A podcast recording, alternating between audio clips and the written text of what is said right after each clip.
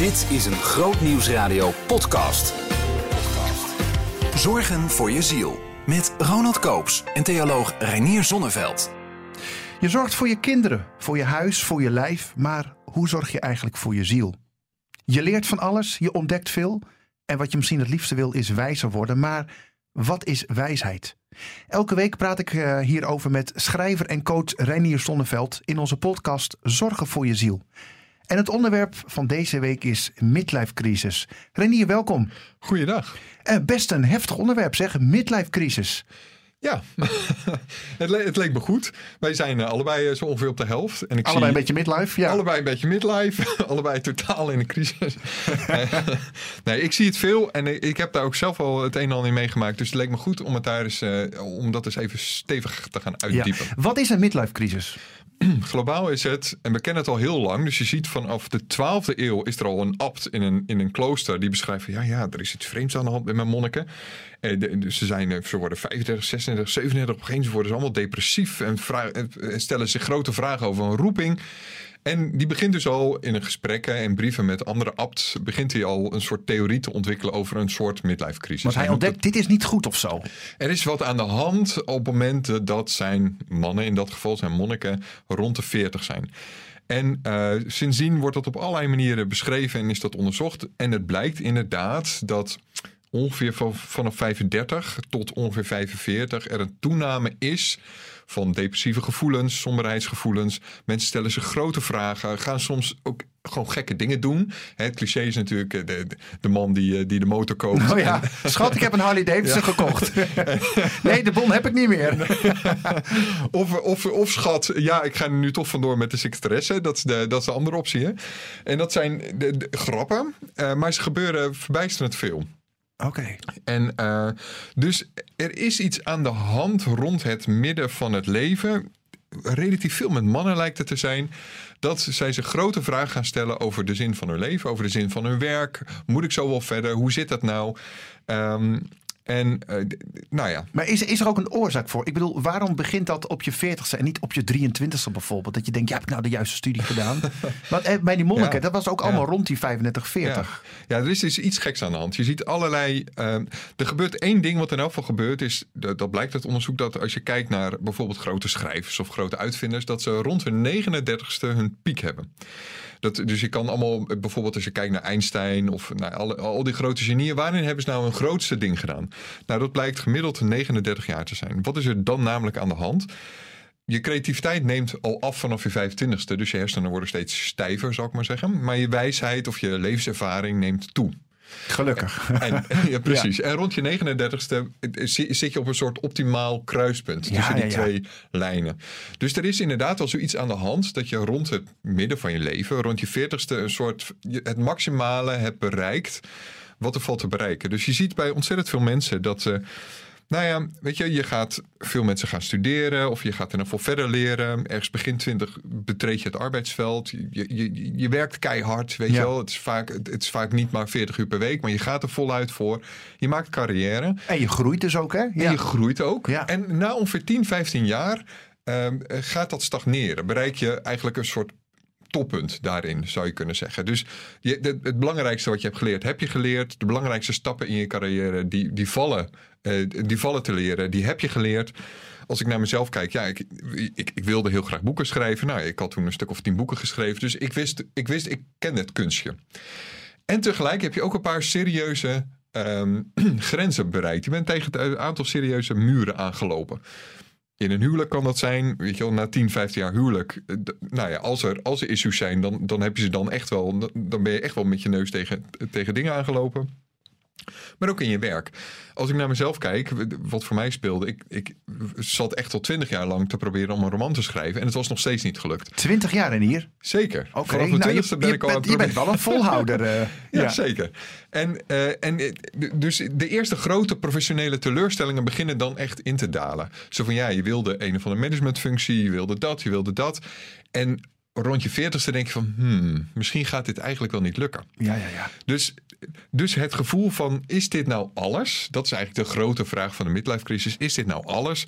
Die rond die tijd, ja, komt dat op een manier natuurlijkerwijs. En ook een stukje verveling ergens. Van, nou, ik doe het Zeker. al tien jaar. Ik kan het kunstje of zo. Nou, Zeker. Moet ik Dus- dit nou nog tot... Dat hoor je mensen wel zeggen. Moet ik dit nou nog tot mijn pensioen blijven doen? Exact. Dat is, dat, is de- dat is de een van de grote vragen die nog speelt. Op het moment dat je 10, 15 jaar je ergens in bedreven hebt, kun je het ontzettend goed. Dus je baas waardeert je waarschijnlijk ontzettend. Of in- nou, in mijn geval. ehm, Ja, je hebt geen baas. Mooi. ik, ik heb geen baas, maar mijn boeken verkopen, zou ik maar Ja. zeggen. En ik, ik kan dat kunstje. Je krijgt waardering. Ja. Ja. in jouw geval, je weet hoe je radio maakt. En op een gegeven moment ga je denken van... wacht even, is, is dit het nou? Is dit, ja, ik, ik doe dit elke keer. En ik doe eigenlijk elke keer hetzelfde. Ehm, en daarbij speelt ook dat je... je hebt, nou ja, vaak in, wel in de sfeer van 20 jaar... heb je, heb je, heel, heb je heel hard gewerkt om gewoon je eerste... eh, de- de- nou ja, dingen als een hypotheek voor elkaar te krijgen. Ja, ja, ja. Om, om gewoon die eerste basisdingen, om dat gewoon de dingen op een rit te krijgen. Ja, en dan het leven we nog in een land waar ook dat de norm is. Het moet steeds een stapje meer, Zeker. een, schaaltje hoger, een iets groter Zeker. huis. Ja. En op een gegeven moment merk je dat je, dat, dat het, je wel zo'n beetje bereikt hebt wat er te bereiken valt. Weet je wel, van ja, oké, ik kan, weet je wel, ik heb nu een huis van, van eh, weet ik veel hoeveel ton. Eh, Ik heb een hypotheek van 2 ton, mocht je het willen. ja. Maar, eh, Nou, dat is ja. ook niet veel. Maar goed, nee, nee, maar je kunt dan nog eens een huis van 3 ton of van 3,5 Ja. ton. Maar ja, weet je, je, je hebt dus de dingen op een rit, maar je, je voelt aan dat er meer is te halen in het leven. Maar wat is dat dan? Want je hebt je 20 jaar ingezet om de dingen op de rit te krijgen, om je, je natje en je droogje te regelen. Maar wat is dat andere dan? Wat heeft het leven nou meer te bieden dan wat je die afgelopen 10, 20 jaar hebt Ja. gedaan? Dat is de grote vraag van de midlife crisis. En waar herkennen mensen dat aan? Waar lopen ze tegenaan? Tegen welke grenzen lopen ze dan aan? Is dat inderdaad, we hadden het net over verveling. Zijn, zijn er ook andere dingen? Nou, verveling is een typische. eh, het gevoel dat je, dat je jezelf tekort doet, bijvoorbeeld. Eh, de, de- hele tijd mopperen, lopen mopperen over je partner. Cynisch worden, eh, somber worden. eh, het gevoel hebben dat, je, dat er spanning in je leven moet komen. Dus daar komt de motor en de maîtresse vandaan, Ja, ik maar zeggen. Dat, zijn dan de, de typische uitingen daarvan.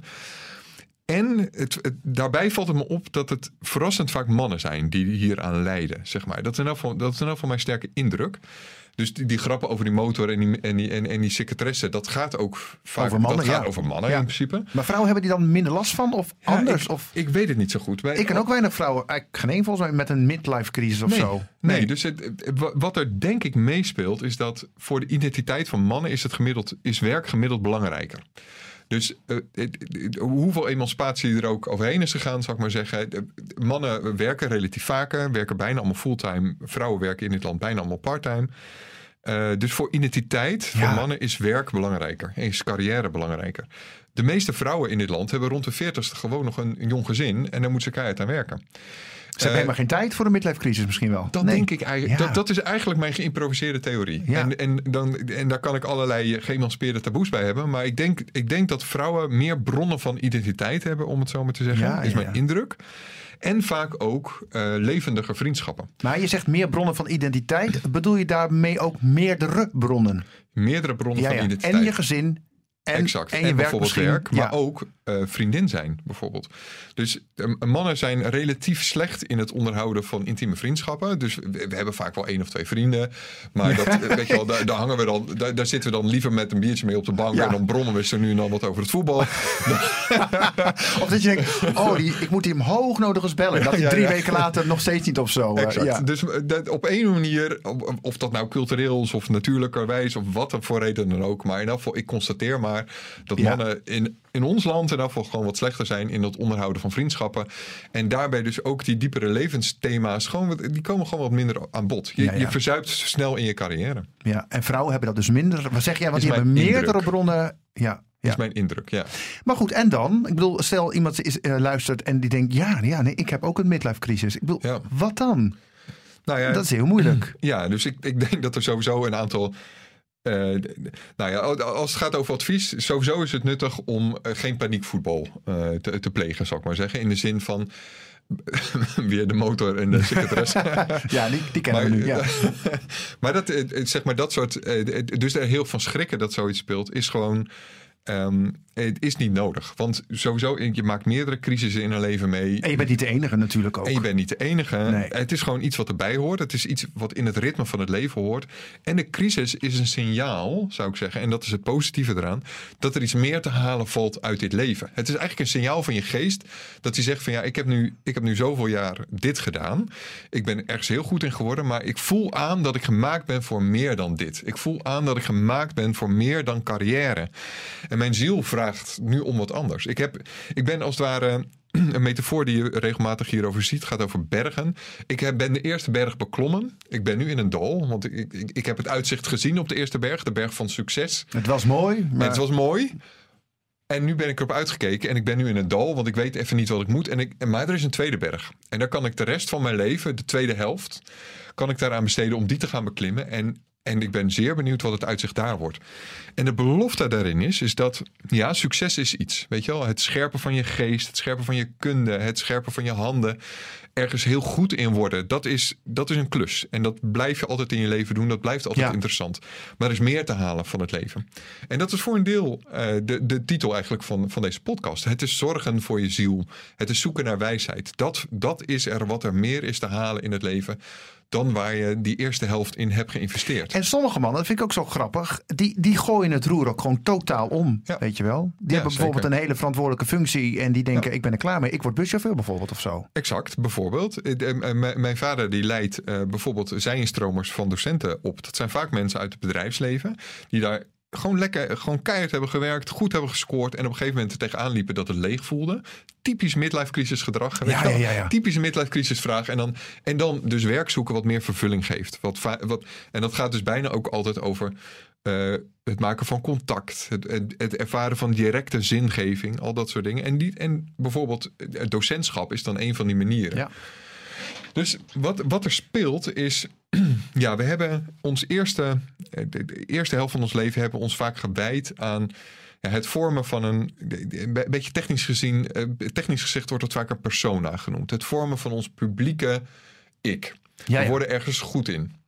Eh, en dat De- gaat ook de- heel weet vaak... je, de professionele kant van iemand. Ja, dit onze- ben ik, dit kan ik. Exact. Ja. Daar wijden we ons aan en daar worden we goed in. En dat gaat ook vaak over normen en waarden. Dus dat, we, we zijn vaak ook streng voor onszelf in die periode. We zijn onszelf aan het opzwepen om, om, ja, om maar dat vol te houden. Ja, Om- ik om- werk 60 uur per week. Dat een ja, beetje, nou, zeg precies. maar. En Ja. om die conditie als het ware. We zijn ons Ja. aan het trainen in die eerste tijd. Weet je, we gaan naar school, maar daarna zijn we nog steeds, weet je wel, eh, eh, zeker lager in de hiërarchie van een bedrijf, zijn we ons nog steeds aan het trainen om daar goed in te worden.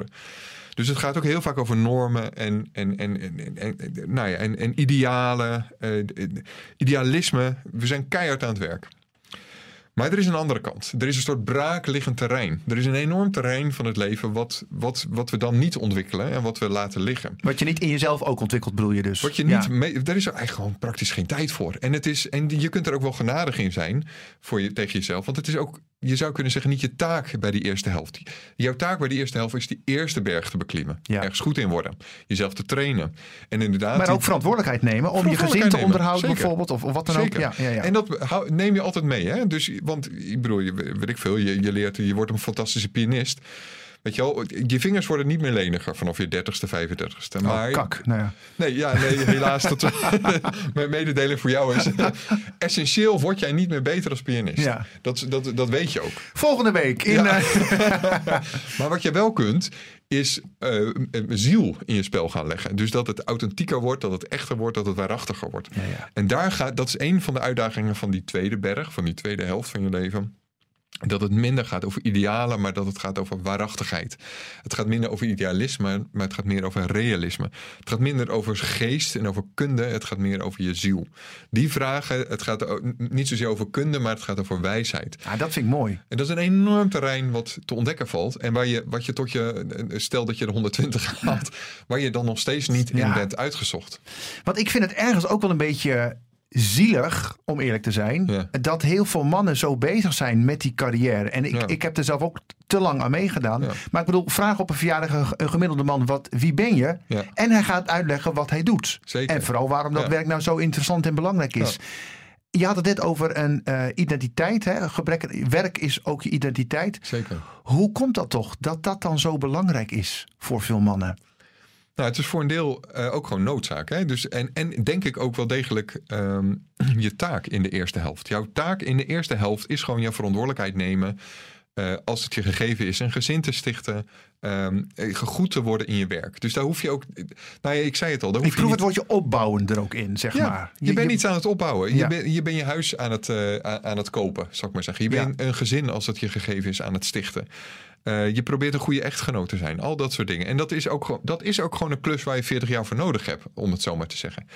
Alleen wat heel vaak gebeurt, is dat ja, op een gegeven moment gaan we voelen: dit, ja, nee, wacht even, er is meer. Er, is, er valt meer te halen in het leven. En ik, ik, ik wil eigenlijk, maar je weet niet helemaal wat. Hm. Maar dat vervolgens de, de sleur van de dag en, en het mechaniek waar we in zitten, de, de verplichtingen blijven roepen. En dat we prompt opeens 70 zijn en we, hebben nog steeds, we zijn nog steeds niet wijzer geworden. We zijn nog steeds eigenlijk dezelfde die we al die tijd waren. Ja, want hoe gaat die tweede berg er dan uitzien, Renier? Ja, nou ja, eh, in elk geval één. Je kunt het ontdekken, dat is een heel praktische manier, door eerst maar eens te bedenken waar ben je nou heel goed in? Waar heb je nou je, de eerste helft heel erg in getraind? Waar ben je nou. Wat eh, kan jij echt, zeg maar? wat kan jij echt? Ja. En, en vooral ook hoe kennen mensen jou? Eh, en daar moet je eigenlijk het omgekeerde van nemen. Want dat is jouw genegeerde gebied. Dat is jouw veronachtzame terrein. Hoe bedoel je het omgekeerde van nemen? Nou ja, bijvoorbeeld, eh, ik ben heel goed in, althans dat zeggen mensen, in het heel snel schrijven van, van teksten die, die dingen uitleggen, zeg maar. Wat is daar het omgekeerde van? Nou ja, langzaam dingen, Oh ja. langzaam eh, d- dingen eh, schrijven, de, de ergste tijd voor nemen, maar dus ook eh, oprecht daarin zijn, eh, creatief daarin zijn, enzovoort, enzovoort. Dus waar mijn crisis voor een deel over ging, is dat ik merkte, ik had op een gegeven moment, ik, ik had een dag gehad, ik weet dat nog heel goed, ik had letterlijk tien columns geschreven voor weet ik veel hoeveel blaadjes. En eh, al die opdrachtgevers waren hartstikke blij, maar ik was uitgeput en ik had niks ontdekt. Wel, had Want jij kende het kunstje natuurlijk. ik kende het kunstje Oh, wel. ja, ik was ja, daar ja. heel goed in geworden. Ik, en, en iedereen vindt dat gekke werk. Tien columns op een dag schrijven, doe normaal. Nou ja, elke schrijver weet dat je dat op een gegeven moment kunt. Je, je, je bent erin getraind. Maar wat ik ver- verder ontachtzaamd had, wat ik had laten liggen, mijn, mijn schaduwterrein, zou ik maar zeggen, mijn, mijn onontgonnen gebied, dat was juist creativiteit, eh, oprechtheid, zelfonderzoek, al die de meer tragere dingen. En het interessante is dat dat vaak juist de dingen waren waar ik me aan irriteerde. Bijvoorbeeld aan mijn vrouw. Nou, je het hebben. Ja, nou Misschien ja, moet je de radio maar- even uitzetten nu. Of, eh, Nee, mijn vrouw is kunstenaar. En eh, brengt er re- minder dan mij in het laadje, het zou maar zeggen. Dus dat was een soort, een soort bron van ergernis. dat is Eh, vet tussen- irritant natuurlijk. Nee, grapje. Nou ja, nou ja, dus ik voelde me daar heel verantwoordelijk voor en dat voelde ook als een druk. En, en, dan, en dan zat zij maar eh, heel, heel erg creatief te zijn en, en eh, ontzettend veel dingen te Ik ontdekken. zie het plaatje helemaal voor Ja. me. Ja, ja, ja. Zo gaat het dan in, in, in die vreselijk moderne stellen Ja. van tegenwoordig. En jij zat je helemaal kapot te schrijven. Ja. En jij zei eigenlijk, doe jij nou ook nog eens wat? Is Zoiets, zeg Ja, maar. Weet ik je, in, in mijn slechte buien ga- gaat dat dan zo. Tot ik merkte dat daar juist mijn groeimogelijkheid lag. In dingen langzamer doen. Meer geconcentreerder doen. Dat het meer over creativiteit gaat. En daar ligt het heel vaak. Dus we zwepen onszelf op ehm, met normen. En dus de uitdaging ligt heel vaak in eerlijkheid en oprechtheid en waarachtigheid. We zwepen ons eh, op met idealen, met, met grote dromen, met eindeloos veel een kunstje kunnen. En de, de uitdaging ligt, en daar ligt wijsheid, heel vaak in. Ja, wat, wat nu in de eerste helft als rommelig voelt. Wat zelfs een beetje fout voelt. Wat je, wat je vaak moreel een beetje afkeurt. Ja, waar je op neerkijkt. Dus wat je heel vaak eh, dingen als lui vindt. Want jij hebt jij, je, de, de eerste helft heb je enorm moeten opzwepen om iets te kunnen. Dus jouw onontgonnen gebied is juist even stilstaan. Even rustig aandoen.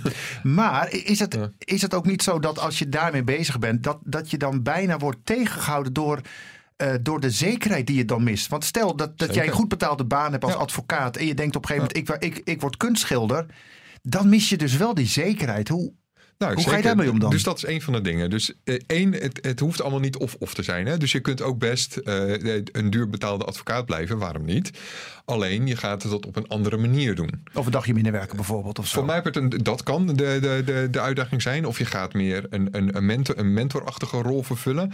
Of je gaat andere zaken aannemen, enzovoort, enzovoort. Dus Want- ook binnen je werk kan je dat doen, zeg je Tuurlijk, eigenlijk? tuurlijk. Je hoeft Ah, oké. helemaal niet een andere baan te, te kiezen. Net zo min als je een andere motor hoeft. Of een, Een an- andere Harley. Nee, maar je Nee. gaat wel anders in je liefdesrelatie staan. Je Ja, gaat ja. op een andere manier auto rijden, zou ik maar bijna zeggen.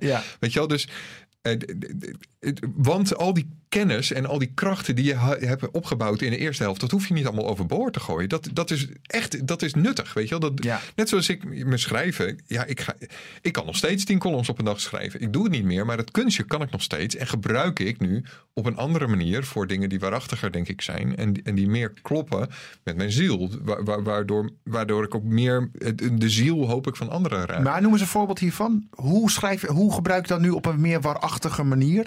Ben je nu met, meer met slow... Zeker, dus ik Eh, schrijf schrijvend bezig. Dus ik schrijf bijvoorbeeld langzamer en ik schrijf bijvoorbeeld aan een roman. Dus dat, is een, dat, is een heel, dat is een ander vak waarin ik meer. Nou ja, theologie gaat heel vaak over, ehm, over hoe het eigenlijk zou moeten. Hè? Dus het gaat heel vaak over een verlangen. Een roman gaat veel, veel, veel meer over hoe het is. Over de rommelige werkelijkheid. De, de, de dingen die niet kloppen. En dat is, ik merkte zelf persoonlijk dat dat een gebied is wat ik heb te onderzoeken. En dat is vergaand universeel. Dat is heel erg, dat is voor bijna iedereen het gebied wat je hebt te onderzoeken in de tweede helft. Maar is dat een soort autobi- auto- autobiografische roman of dat weer niet? Nee, nee, nee. Maar het, nee, nee, nee. Dat is, ongetwijfeld zitten er Ja, autobiografische maar puur elementen het in. schrijven ervan helpt jou dus om... Ja, het gaat over die manier. Het gaat, het- het- ik schrijf op een andere manier. Ja, ja. Het, het, is, het, is trager, het, is minder, eh, het gaat minder over. Ik, ik hoef er niks mee te verdienen, eh, letterlijk, zeg maar. Dus het, het gaat over een heel ander soort drang, wat, wat ik daarin uit. Het gaat, het gaat niet over succes, maar het gaat in een, poging tot het raken van een ziel. En nou ja, dat is een woord wat ik al een paar keer gebruikte, ziel en wijsheid. Maar daar, daar zit de, de opening en daar zit de uitnodiging van de tweede helft, denk ik. En nou ja, laat ik nog preciezer maken wat denk ik wijsheid is. Wijsheid zit heel dicht tegen vrijheid aan.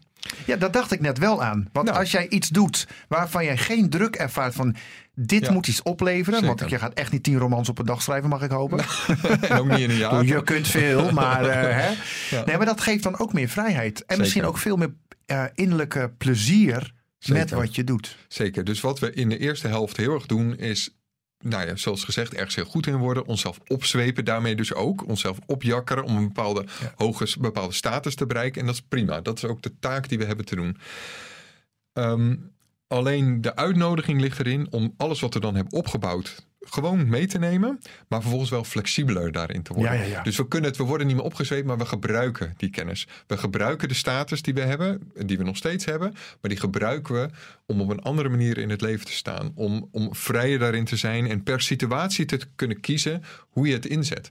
Ja, en misschien ook meer vrij te zijn over wat anderen van je zouden kunnen denken. Zeker. Dat vond ik aan Jezus zo mooi. Zeker. Die zei gewoon van, eh, eh, we nemen even pauze. En dan zeiden ze ja, maar er liggen nog zoveel mensen Zeker. te wachten. Ja, nee, maar nu, nu En even dat, niet. dat is vrijheid. Dus wat, Ja, wat ja. Een, een, een niet, eh, een, een, een- zeg maar Jezus, als hij niet wijs was geweest, had gedaan, die was, die was door gaan jakkeren en die was overspannen geworden. Ja, die had een keurig schema gemaakt om nog efficiënter mensen te genezen. Ja. Exact, weet je wel. En, dat, en, en hij zegt er daar op een gegeven moment een stop tegen. En dat is, dat is fascinerend. Dus hij- het is niet zo.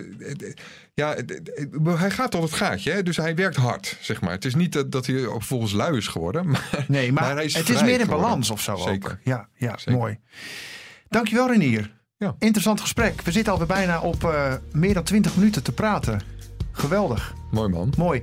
Volgende keer gaan we het hebben over verandering in de Zeker. podcast. Ja. Even één zin om te teasen. Wat, waar gaat het dan over? Het gaat over olifantenpaadjes. Ik denk dat we het hier gewoon bij houden. Oké. Tot volgende week. Luister ook elke vrijdag naar de rubriek Zorgen voor je ziel in de Nieuwe Morgen. Bij Grootnieuws Radio. Behoefte aan meer? Grootnieuwsradio.nl slash podcast.